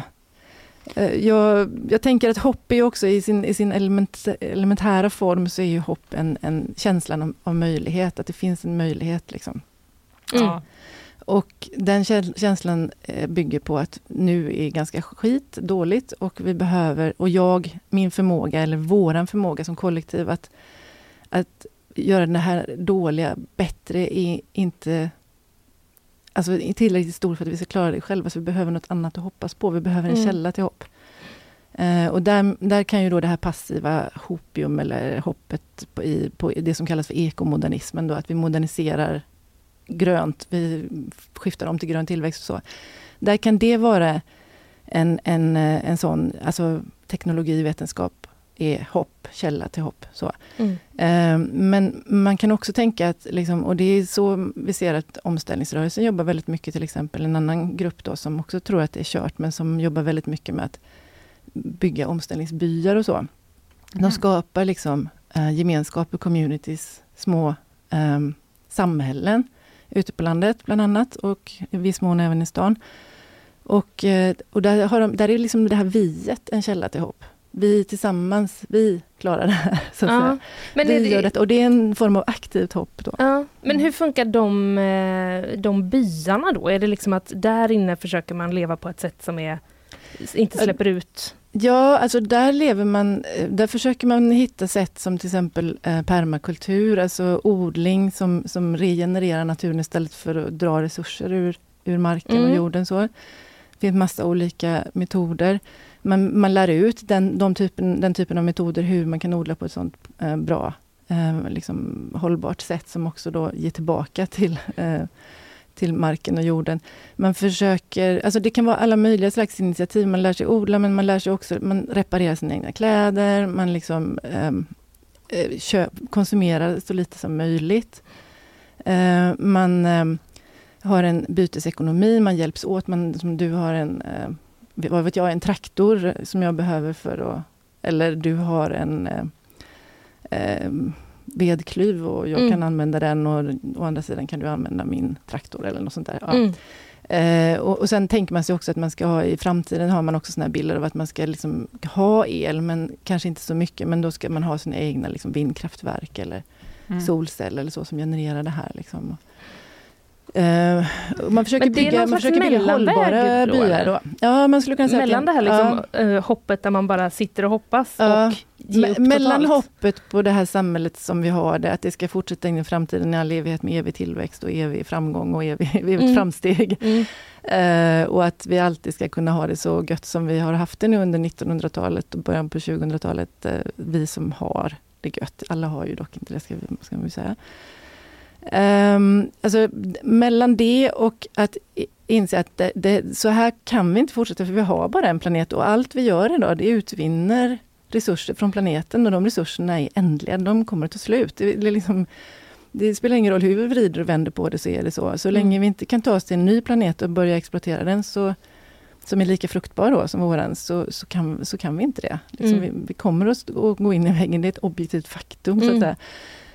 Men, men eh, från, från det här jättenaiva hoppet till det här liksom jättemörka, eh, det kommer att gå till helvete, vi vet inte ens om planeten eller vi som mänsklighet överlever, så har eh, omställningsrörelsen en slags medelväg. Ja. Mm. Eh, Där de föreställer sig, och det är deras hopp, så att säga, de har bestämt sig för att hoppas på detta, de föreställer sig att det vi gör här nu, vi lär oss att leva med extremt lite energi. Vi lär oss att leva eh, inte våldsamt, utan vi, tanken är att vi hjälper varandra. Liksom vi ska bygga gemenskaper där vi hjälper varandra. Mm. Och mänskligheten har alltid överlevt genom att samarbeta och vara tillsammans. Inte genom att ha ihjäl varandra eller konkurrera, utan genom att dela på saker. Eh, och på det viset hjälper vi också naturen. Alltså man kan plantera massa blommor som gör att man får en liksom lokal eh, by- eh, vad ska man säga, lokal mikrouniversum där, där man har massvis med vildbin och honungsbin och, och liksom fjärilar och vad vet jag som, som är utrotningshotade. Eh, och liksom I det här mikroformatet lokalt, genom att jobba lokalt där vi står, så kan vi liksom skapa ringar på vattnet som gör att vi, liksom, det finns öar som Mm. gör att både mänskligheten och, och, och biosfären och plane- planeten kan överleva. Liksom. Men har de någon tanke då om att eh, liksom, eh, det ska bli fler exempel av att liksom, man vill inspirera och utöka detta? För jag tänker ensam i den lilla gruppen. Eh, ja, alltså det finns ju, den växer ju. Det, Mm. Den omfattar ju tusentals människor i, i Sverige idag, omställningsrörelsen. Och det finns väldigt många sådana här byar, jag kan inte ge ett exakt antal, Mm. men eh, under covid så blev de fler. Okej. Ehm, Mm. Eh, så att det säger ju också någonting om att när, man liksom, när skiten slår i fläkten lite så blir man mer intresserad av Ja. den här typen av alternativ. Mm. Eh, men eh, så att, så att och de, det är inte bara i Sverige utan det är internationellt. Det startade i England så det finns också i andra länder. Eh, så att det, det, det är faktiskt en... Och det finns då kontakter mellan de här grupperna. Då nationellt finns det en, minst två Facebookgrupper och sen finns det då internationellt finns det också mängder med liksom, eh, via sociala medier. Då, kontakter. Men hur många människor rör det sig om? Är det liksom tusentals eller typ? Ja, eh, precis. Eh, om vi pratar kollapsologer så ligger de kanske på, eh, alltså de som är aktiva på grupperna, det är två grupper, det är 500 i den ena gruppen, 600 i den andra. När det gäller omställningsrörelsen så tror jag det är 24-25 000. Jag kan ha fel där, för jag har inte kollat nyligen, men Mm. det är ändå betydligt fler, eller ännu fler. Ja, hur som helst. Det de är, de fler. Medelvägen Mm. kanske lockar fler Ja. eh, människor. Helt Men Och då pratar jag om i Sverige hoppas. också. Ja, Mm. medelvägen Ja. lockar fler såklart. Och, och det är också därför som det finns kollapsologer och, och omställare tänker ganska lika alltså om, om hur vår samtid och vart vi är på väg. Men man kan väl säga så här att omställningsrörelsen fokuserar på, okej, det kommer att gå åt pipan, men vi, vi fixar övergången så här. Mm. Mm. Det är därför de kallar det för omställning också. Mm. Kollapsologerna säger, men de är så jäkla naiva, de, de är också drabbade av hopium. Mm. För de tänker inte på den globala massvälten, de tänker inte på krigen, de tänker inte på allt det här som vi måste gå igenom. Och kanske om vi lyckas överleva det, så finns det en spillra av mänskligheten kvar som kan, som kan börja bygga så som omställningsrörelsen tänker. Så, så pratar kollapsologerna, så de är mycket mer pessimistiska. Liksom. Mm. Vi måste börja eh, runda av, men innan dess bara, jag läste någonstans att det, det var någon som liksom förespråkade som, som liksom framgångsrik känsla att kommunicera utåt om man vill göra något åt eh, klimatet, att eh, man bara skulle köra på panik. Är, Ja. det, tror du, är det liksom dit Vi måste känna panik, Ja. det säger ju Greta bland annat. Ja. Ja, Är absolut. vi på väg mer mot det, eller vad tror du? Det är, det är en märklig sak som händer just nu. Det är lite som, jag vet inte om ni sett den här filmen ehm, Don't look up. Ja, Jo. Eh, det är ganska mycket så. Alltså, för, för visst, mer och mer människor känner panik, men kanske inte riktigt känner till de här samma, de har inte riktigt koll på vad de kan göra då med sin Mm. panik. Så att, och många unga människor mår ju väldigt dåligt också och har väldigt mycket ångest och så. Av tydliga eller otydliga skäl, men vi lever ju liksom i kristider så det är inte så konstigt att folk mår dåligt. Liksom. Det, det är sociala effekter av, av faktiska förhållanden. Men, men liksom...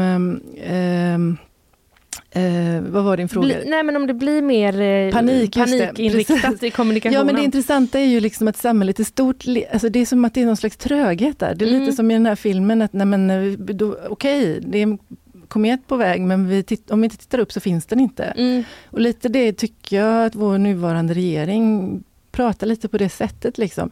Når vi inte klimatmålen så når vi dem inte. Ehm, vi fixar det med kärnkraft, men vi har inte kärnkraften på plats förrän det är för sent. Vi, vi liksom skär ner på allting som skulle kunna möjligtvis skapa det här lilla, lilla hoppet att vi ändå kan klara och hamna under två grader.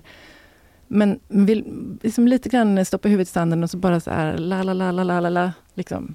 De skulle nog inte Nej. hålla med dig om den bilden tror jag. Men, eh, De är ju inte här regeringen. nej, de kan ju då inte svara inte. för sig men, men, eh, men det, är en konstig bubbla vi lever i som samhälle. Mm. För, att, för att en väldigt stor del av samhället fortsätter tuffa på som vanligt, som om det inte händer. Liksom.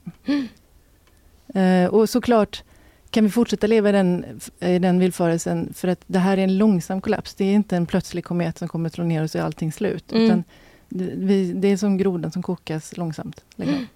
Ja, kanske den här frågans stora utmaning då. Att vara lite långsam och inte så, inte så synlig för blotta ögat. Ja. Kanske. Ja, även om den är det på många sätt. Eh, du Åsa, vi får börja avrunda men det här var Mm. så intressant.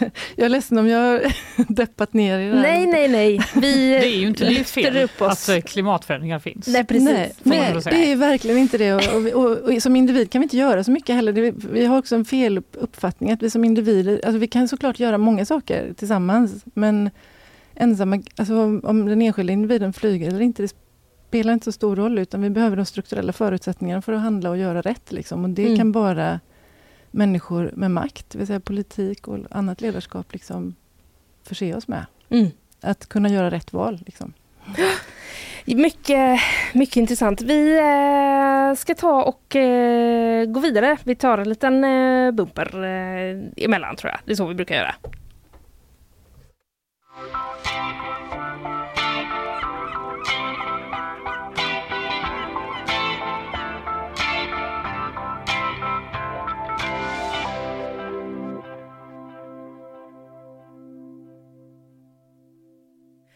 Ja, Ja. vi fick ett, eh, ett erbjudande här om att höra av oss ifall vi behöver terapi Ja, av det Åsa. kan bli det var så snällt. Mm, det var snällt. Men vi ska klara oss igenom det här eh, tillsammans. Vi, Tack Åsa. Tack. Vi vinkar ut eh, Å- Åsa här och så tar vi och kör eh, lite sponsorer. Nyhetsshowen presenteras av Färsking, fiberrik granola och flingor utan tillsatt socker. Kleli, kontaktlinser på apotek. Fello, Göteborgs alldeles egna mobiloperatör. Ja, här är vi Fanny. Ja. Vad är din liksom, eh, känsla efter eh, det här? Men typ att jag blev lite så sugen på att bli sån kollapsolog Alltså, och bara ge upp. och bara vara så här, nej ja. det går inte. Alltså Nej. det, det, tyvärr ligger det ganska nära min person tror jag. Mm.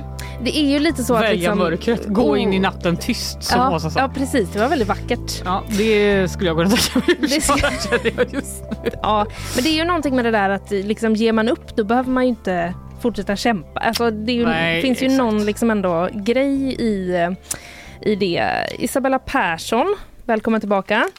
Tack så mycket. Du, är du kollapsolog? Frågetecken. det behöver man väl alltid. Fick två frågor samtidigt av oss här, det var väldigt på. Ja. Ehm, Nej men det är ju inte upplyftande. Så är det ju. ja men så är det ju. Och det är ju, det är ju samma sak med mycket av de sakerna vi pratar om här Ja, egentligen. så är det. Ja, man kan inte bara hålla sig till glada nyheter. Ja, men nu kommer snart bakvagnen. Ja, nu kommer bakvagnen snart och där eh, har jag en nyhet om pingviner som fick linser. Gud vad skönt. Det kan vi liksom badda själen med nu. Ja, det blir det toppen. känns jättetoppen. Vi Men- börjar med ett nyhetssvep. Ja, vi börjar faktiskt med ett nyhetssvep. Eh, det ska du få köra nu Isabella. Ett passagerartåg har spårat ur i Nederländerna. Minst en person har dött och 30 personer skadats. Flera av dem ska ha allvarliga skador och ett akutsjukhus ska ha tagits i drift i närheten. Olyckan inträffade utanför samhället Vorschoten som ligger mellan Haag och Amsterdam och enligt lokal räddningstjänst ska det stått byggutrustning på spåret som orsakat urspårningen. Igår hittades en kvinna i 40-årsåldern svårt skadad i en bostad på Hisingen och hon avled senare på sjukhus. En man har nu anhållits misstänkt för mord. Det var tidigt igår som polisen kom till bostaden efter ett larm om bråk och man ska också där funnit ett barn. Enligt åklagaren finns det anledning att tro att barnet sett delar av händelseförloppet. Donald Trump är nu på plats i New York i väntan på domstolsförhandlingar som ska inledas ikväll svensk tid.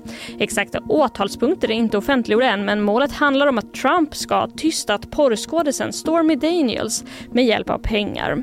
Igår ska han direkt tagit sig till sitt Trump Tower för att samla sitt försvar och det var ett stort pådrag på New Yorks gator när anhängare samlades för att visa sitt stöd till ex-presidenten. Men några större ordningsstörningar har inte rapporterats. Påskmaten väntas bli rekorddyr.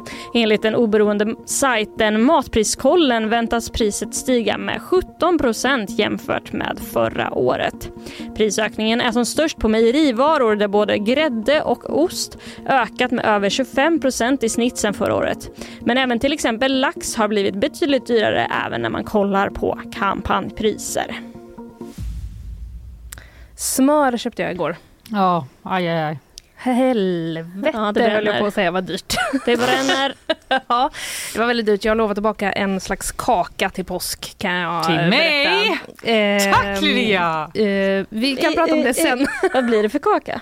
Du, Mm. det blir faktiskt en citronkladdkaka med maräng på. Nej, sluta. Ja, jag vet. Vad får Fanny då? Eftersom hon inte får den. Eh, Hon kanske får en liten smakbit, vi får Ja. se. Får jag, ska- komma på ditt påskfirande? Ja, det får du faktiskt. Kul. Du är så välkommen. Tack. Eh, det var det om det. Tack för idag Isabella. Tack så mycket.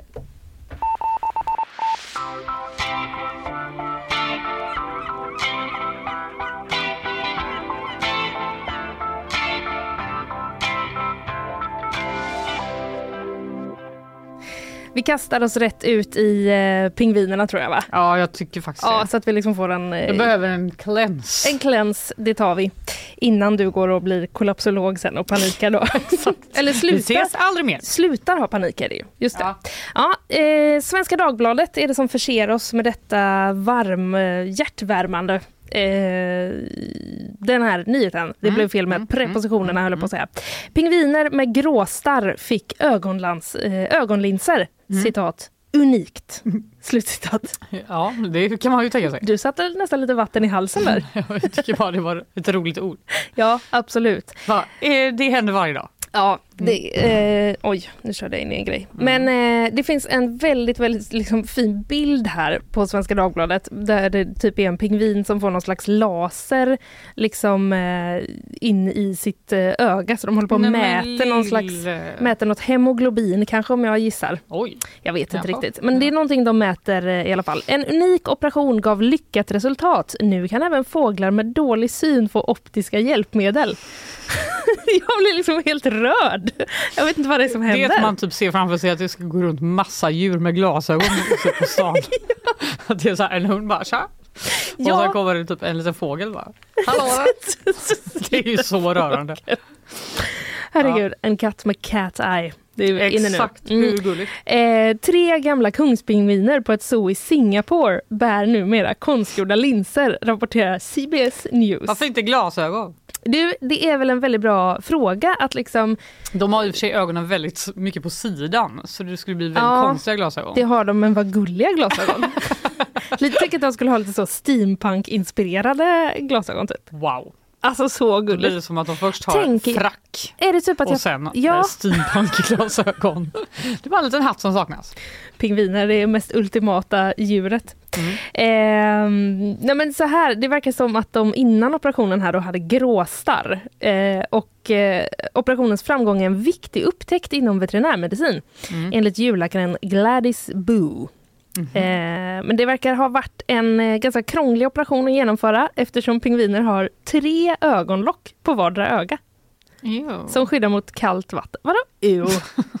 Kom inte här och döm någon annan som lever. Nej. Eh, nej, men det ska skydda mot kallt vatten. Så det är Ja, väl okej. därför de har eh, många. Men efter två månader så har de nu då återhämtat sig eh, och eh, nu lever de liksom eh, tillbaka med de andra pingvinerna Mm. igen. Så det verkar som, eh, jag tror inte det här är liksom så dagslinser. Att Nej. de ska hålla på och plocka in och ur. Då får de lära sig själva. Eh, ja det får de. Väldigt svårt. Som bara, Ska du försöka parera så tre ögonlock med en sån pingvin? Flabb eller vad det nu heter. ja, Åh. flabb heter det Linnea. Flabb, Absolut. eh, ja men det tror jag att det kanske heter. Eh, de här speciell, eh, special, specialanpassade fågellinserna de har tillverkats i Tyskland, läser jag. Mhm. Mm. Och fåglar är då generellt beroende av synen. Ja, Eh. Till skillnad från alla andra. Ja men, ja men de kanske är extra eftersom de håller på och flyger och sånt. Fåglar i stort, inte pingviner alltså. Nej. Nej. Eh, men det finns skillnader om man jämför med exempelvis hundar, berättar Jens Häggström, professor i smådjursmedicin vid SLU. Mhm. Eh, ja, det är bra att pingvinerna ser bättre nu, men olika djur är inte lika beroende av synen, säger han. Ja, hunden är till exempel inte då lika beroende av att se. Nej, de sniffar. Det gör de ju, men eh, det känns också ibland som att eh, en hund i min närhet eh, är typ ganska lat och typ tittar istället för att sniffa. Va? Ja, Vad typ menar om, du? om man så kastar ut lite mat så är det typ mer så att hon tittar. för att hon inte orkar sniffa. Ja, skitsamma. Det var den Ehm, konstigaste analysen av den hunden. ja, hon är fantastisk på alla sätt. Men vad säger du egentligen Fanny? Om vad? Om att, Om hunden? Om pingvinerna? om pingvinerna? Nej, men, eh, grattis, vad kul för er.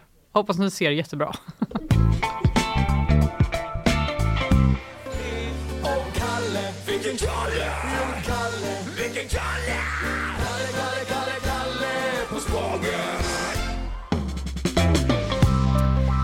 Ja, nu är det dags Ja. att vi pratar om Gift vid första ögonkastet igen. Just det. Det, vi har eh, gått igenom, eh, deltagarna släpptes ju. Mm. Och det har faktiskt premiär vill jag säga på måndag. Just det. Så det är väldigt kort tid kvar. Då kan vi prata om det på tisdag igen. Ja det kan vi säkert. Mm. Nej, en liten så, eh, review från dig. Ja precis. Vi kanske Eh. skulle ha ett sånt veckoinslag på tisdagarna. Absolut. vi bara kuppar in Ja. det här i livesändning för ingen chef kan säga något. Nej. Nej men eh, nu har de fått kritik Mhm. i, redan innan programmet eh, släpptes. Och Mm. jag såg faktiskt att när de släppte deltagarna att det bubblade på Twitter. Mhm. Att folk var lite så här, Åh, kan man hitta mer liksom, lik grupp? Ja, Bara, ja, mm, ja, vilken diverse ja. eh, casting! Ja. och eh, an- anledningen till att det är ett skämt är att alla är eh, vita då Ja. i programmet. Och nu har Anita Clemens, känner du till? Eh, ja, det Mm. gör jag ju. Hon har ju en podd som heter Lillördag. Mm. Men hon har också jobbat som castare för realityserier. Aha.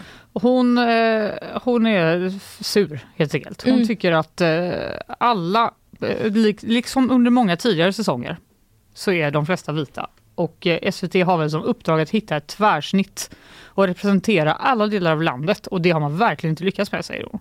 Mhm. Eh, och hon får faktiskt lite medhåll Mm. från Kristina Hill som är programchef för SVT Göteborg. Mm. Hon säger att man är medveten om det här pro- problemet, både vi på SVT och producenterna på Baluba som väl är då det här bolaget som gör själva serien Mm. för SVT. Eh, Vi har gjort väldigt mycket. Vi har använt söktrailers i andra kanaler och flöden än vad vi brukar och vi har haft ambassadörer ute på, i olika områden. Och vissa säsonger lyckas vi bättre än andra, men vi är medvetna om problemet, säger hon. Mhm. Eh, Anita Clemens tycker inte det duger. Nej. Hon säger om man nu bara får en sorts sökande så är det castarens jobb att leta reda på andra typer av personer för att råda bot på ho- homogeniteten. Ja Men, just det, för man kan ju, just det, för de går ju ut och är så, sök till det här. Exakt. Men då- det har man ju fattat att eh, även i andra program så liksom söker ju folk själva Ja, upp andra exakt. också. Det går åt det hållet. Det tycker jag Ja. ofta när det är så här, hur hamnar du i den här Mm. tv-serien? Mm. Jag blev kontaktad av någon. Ja. Bla, bla, bla. Och det tycker Anita Clemens att man ska göra. Mm. SVT menar dock att det är svårt att leta utanför sökpoolen just när det gäller att ingå äktenskap. Ja, ja jo, kanske det. Ja, Eh, någon kommer fram till en på ett café och är så. Skulle du vilja gifta dig med en främling som du aldrig har träffat? Sugen på en fest eller? Ja. Då börjar Ja. kanske personen säga ja. Och sen bara, festen är ditt bröllop Din- och det ja. säljs i SVT. Ja. Ja, exakt. Eh, men Anita Clemens säger då att produktionen ändå borde kunna pusha deltagare att leta efter något nytt. Mm. Jag antar att deltagarna skriver i sin ansökan vad de letar efter. Men om de bara letar efter vit strömlinjeformad person som är precis som dem så är det rätt skrämmande. Eh, ingenting tyder på att fler deltagare söker blonda personer till exempel. Men däremot kan det vara så att man söker någon som är lik en själv. Mm. Och det är det som kan bli ett problem i det här fallet, Just säger Kristina. Hillo. Just det, för då kan det bli liksom svårt att matcha. Ja. Om alla skriver, om alla då, Ja, de flesta som söker är liksom vita och skriver jag vill ha någon som är lik mig själv. Ja, precis. Precis, man tycker ju, alltså det låter ju lite som att det kanske inte borde vara så svårt. Det nej, det borde inte vara helt omöjligt. Nej, det borde verkligen inte vara Nej. helt omöjligt. Även om eh, eh, insatsen är då att man ska ingå äktenskap. Jag menar, Ja. Det är väl inte bara vita som gifter sig. Nej, det är det ju inte. Hallå! Men samtidigt kan jag ju känna att det hade förvånat mig om de inte verkligen hade försökt. Ja, För att det ser ju lite, jag tycker det ser ju lite illa ut. När Ja, man ser liksom ser alla ju- deltagare stå så. det bara, ser ju lite ut som som, en stor eh, blob Det bara. ser ut som en släktträff. Ja, det ser lite ut Typ. som de alla är syskon. Ja. Så sexigt och kul att gifta sig. Det finns en öppning nu och då ska vi klara av det som Gudfadern en gång i tiden sa i sina filmer. I'll give you an offer you can't resist. Det är det vi jobbar emot. Nu blir det Elon Musk. Jaha, ja, det var ändå ett tag sedan vill jag säga. Mm. Det känns som att vi ändå liksom, vi var Ett tag var det varje dag. Ett tag var det varje dag, men nu har vi liksom haft en liten detox. Men nu är det två grejer som jag såg som var så här, nej men det här vill jag faktiskt nämna. Mm. Eh, det, först, det handlar om Twitter eh, bägge två då, men, eh, och den första handlar om eh, New York Times som har förlorat sin eh, verifieringssymbol, den blå bocken. Jaha. Det har ju pratats om att den eh, skulle börja kosta pengar och det verkar den nu ha gjort. Eh, och de, New York Times har meddelat att eh, vi kommer inte betala för att fortsätta ha den här blå bocken. Ja just det. Det, det gör vi det. bara inte. Ja, Ja. precis. Och det har nu då retat upp eh, Twitters eh, nya ägare Elon Musk, läser jag på Omni. Eh, och han har då gått till attack mot New York Times på Twitter. Så här skriver han. Den verkliga tragedin med New York Times är att deras propaganda inte ens är intressant. O- Oj då. Ja, Det var ju Ja visst. shots fired. Men eh, håll i det där Fanny, för han skriver, eh, han gör också en liknelse mellan tidningens flöde och diarré. Nej men Jag vet! vad fan, Ja, jag orkar inte. det var liksom eh, väldigt kraftfullt på något sätt. Typ. Ehm, men det, eh, han har ju infört de här nya reglerna då kring verifiering eh, sen han tog över. Och det innebär då att till exempel, jag ska läsa här på, på Omni, det innebär att företag måste betala motsvarande 10 000 kronor i månaden för att behålla sin verifieringssymbol. Oj! Det är ganska mycket pengar varje för en månad. liten blå bock. Ja, precis. Och eh, New, York, New York Times verkar då inte ha kommenterat eh, liksom, eh, hans eh, Elon Musks tweet till dem. Nej, de tycker Men, de är för bra för det tror jag. Ja, de gör nog det. Men Mm. de har i alla fall bestämt då att de ska inte fortsätta betala för den här eh, grejen. Sen är det en annan grej som jag, är, som jag också vill ta, som också handlar om Twitter, som är lite sådär, det kanske är någon slags PR-trick bara. Mm. Men nu tog jag det bara Mm. ändå. Mm. Det är att loggan på Twitter har eh, bytts ut. Va? Det är inte längre en liten fågel uppe i eh, hörnet i eh, appen eller på hemsidan, utan nu är det... En liten hund? Ja, det är Dogecoin. Ursäkta? Corn? Ursäkta? Doge, alltså Dogecoin. Nej, corn. Jag bara, har, kan någon ringa en ambulans för att Linnea har tappat talförmåga? Jag förstår inte ens vad du försöker säga. En... Vet du vad det roliga är med det här Fanny? Det är Eh, att ja, alltså, att du inte kan prata. jag försöker säga ett ord som stavas eh, D-O-G-E C-O-I-N. Alltså coin ska det vara på slutet. Okej. Dogecoin. alltså, varför skrattar ni åt mig? Kan du säga vad hon försöker säga? Nej men det är liksom internetordet när man skriver hund så skriver man D-O-G och så ett E. Man skriver ett, va? Varför är det ingen som, jag får chocken här. Ja, Det är en kryptovaluta. jaha, Mm. jag har aldrig känt mig så gammal. D-O-G-E coin. Känner ni inte igen det här? Nej. Okej, Men jag ser att det är en liten typ kanske Akita. Det är en shiba tror jag. Är det shiba? En shiba inu. Ja, åh vad fin. Alltså jag Emily frågade, uttalas det verkligen dosh? Och eh, mitt svar är att jag kollade på en video innan för hur man skulle uttala det här. Och då sa de så. Isabella skrev doggy. Nej det är inte så. Sluta genast prata om det här nu. Det är inte dog i coin. Men, eh, Vad har det här med något att göra? Varför är det ett, ett, en hundpeng? Nej men det är ju det som är, det är, det som är mysteriet. Att Twitters logga har helt enkelt bytts ut då till loggan för den här, eh, e, för den här kryptovalutan. Okej, så det är en, en actual valuta som har det som... Eh, Ja, det är det. På gp.se så kan man eh, läsa om det här och där kan man också se en bild på ett sånt här eh, coin, säger jag bara, eftersom att eh, jag inte säger det ordet före fler gånger.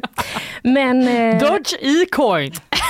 du, det inte så man säger. Dog e-coin! Vet du, jag är helt säker på att eh, Dogecoin? praktikanterna som du och jag hade för några veckor sedan, jag är säker på att de tycker att jag eh, har rätt eh, i det, det är här. så många som tycker vi det. är så efter. Men jag har aldrig hört talas om den här valutan. Nej men du måste ha hört talas om alltså, fenomenet att man, eh, att man liksom skriver D-O-G-E när man menar Aldrig. hund. Jag har aldrig hört Va? talas om det. Nej, varför skulle man skriva D-O-G-E? Men du höll på internet. Ja, Det är ju väldigt... Ja, jag vägrar okej. skämmas för det här. Ja, nej det ska du inte göra, det är bara jag skäms eftersom att det blev så fnissigt här. Mm, Ja, det tycker jag var kul. Men Det tyckte du var toppen. Eh, jag kommer över det. Men eh, det är i alla fall så att loggan har eh, bytts mot det. Och det verkar vara lite oklart vad det är som som eh, vad det är som händer. Liksom. jag, jag kan ju säga att om man trycker på den lilla shiban så händer ingenting. Nej, då händer ingenting. Nej, Nej, men utan, det kan ju eh, mycket, mycket det är väl... inte som att man kommer in på så en sida där det är så här, här kan vi ta dina pengar så får du kryptovaluta. Nej precis, det kan mycket väl vara så att det bara är någon slags eh, reklamgrej eller någon tease om ett samarbete eller något. Men eh, nu har vi nämnt i alla fall och nu glömmer vi av eh, allt som har hänt de senaste minuterna och eh, så tar vi oss bara vidare. Okej.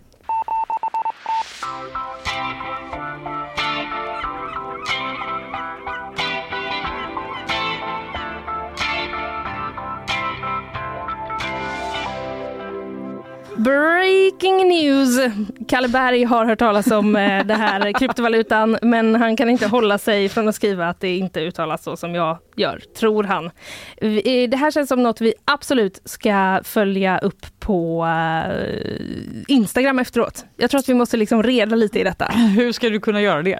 Hur ska det här ordet uttalas? Nej, men jag får väl söka upp den hippaste personen här på redaktionen och liksom Wow, det lägga blir ju en mitt, tävling, en förtroende. intern tävling. Ja, vi får se, vi återkommer till det. Men du Fanny, nu eh, har du en nyhet. Jag ska prata om eh, Zlatan.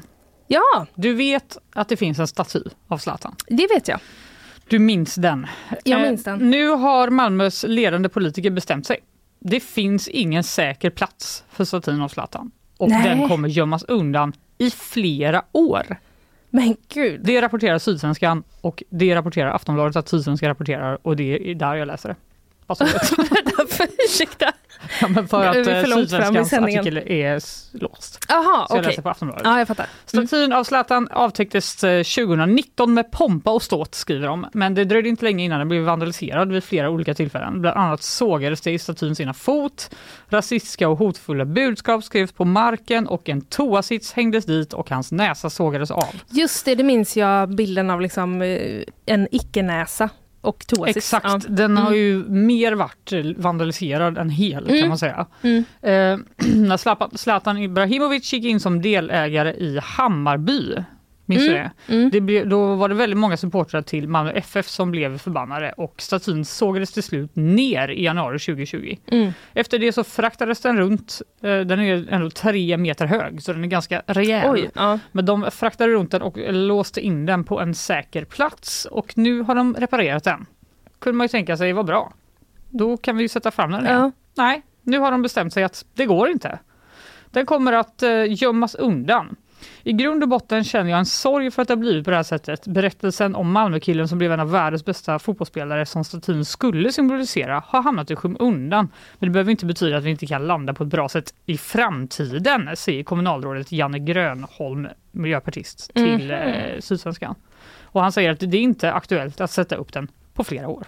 Nej, Lite ospecifikt men det är ändå. som att de eh, tänker att eh, det ska lugna sig då. Jag antar det, Mm. men jag vet inte riktigt eh, hur det skulle kunna gå till för att nu, det var ju inte länge sedan som Zlatan hamnade i nytt blåsväder där. Nej, just När han prat- pratade om Qatar. 10 poäng till Och sa Qatar. att de var toppen. Eh, Mm. Så han, det är ju inte den liksom mest eh, fromma Nej, precis. Det kanske är bättre mannen att göra en staty av någon som inte... av mig. Se upp Malmö! Jag skojar. Okej, Men på Zlatans presskonferens Ja. som var i samband med EM-kvalet i mars då, så Ja. fick han frågan om vad han tycker att statyn ska stå. Mm. Och då säger han, den ska vara i Malmö, ingen annanstans. Okej, Det är det de får se av mig. Så det är bara bra att den är där. okej.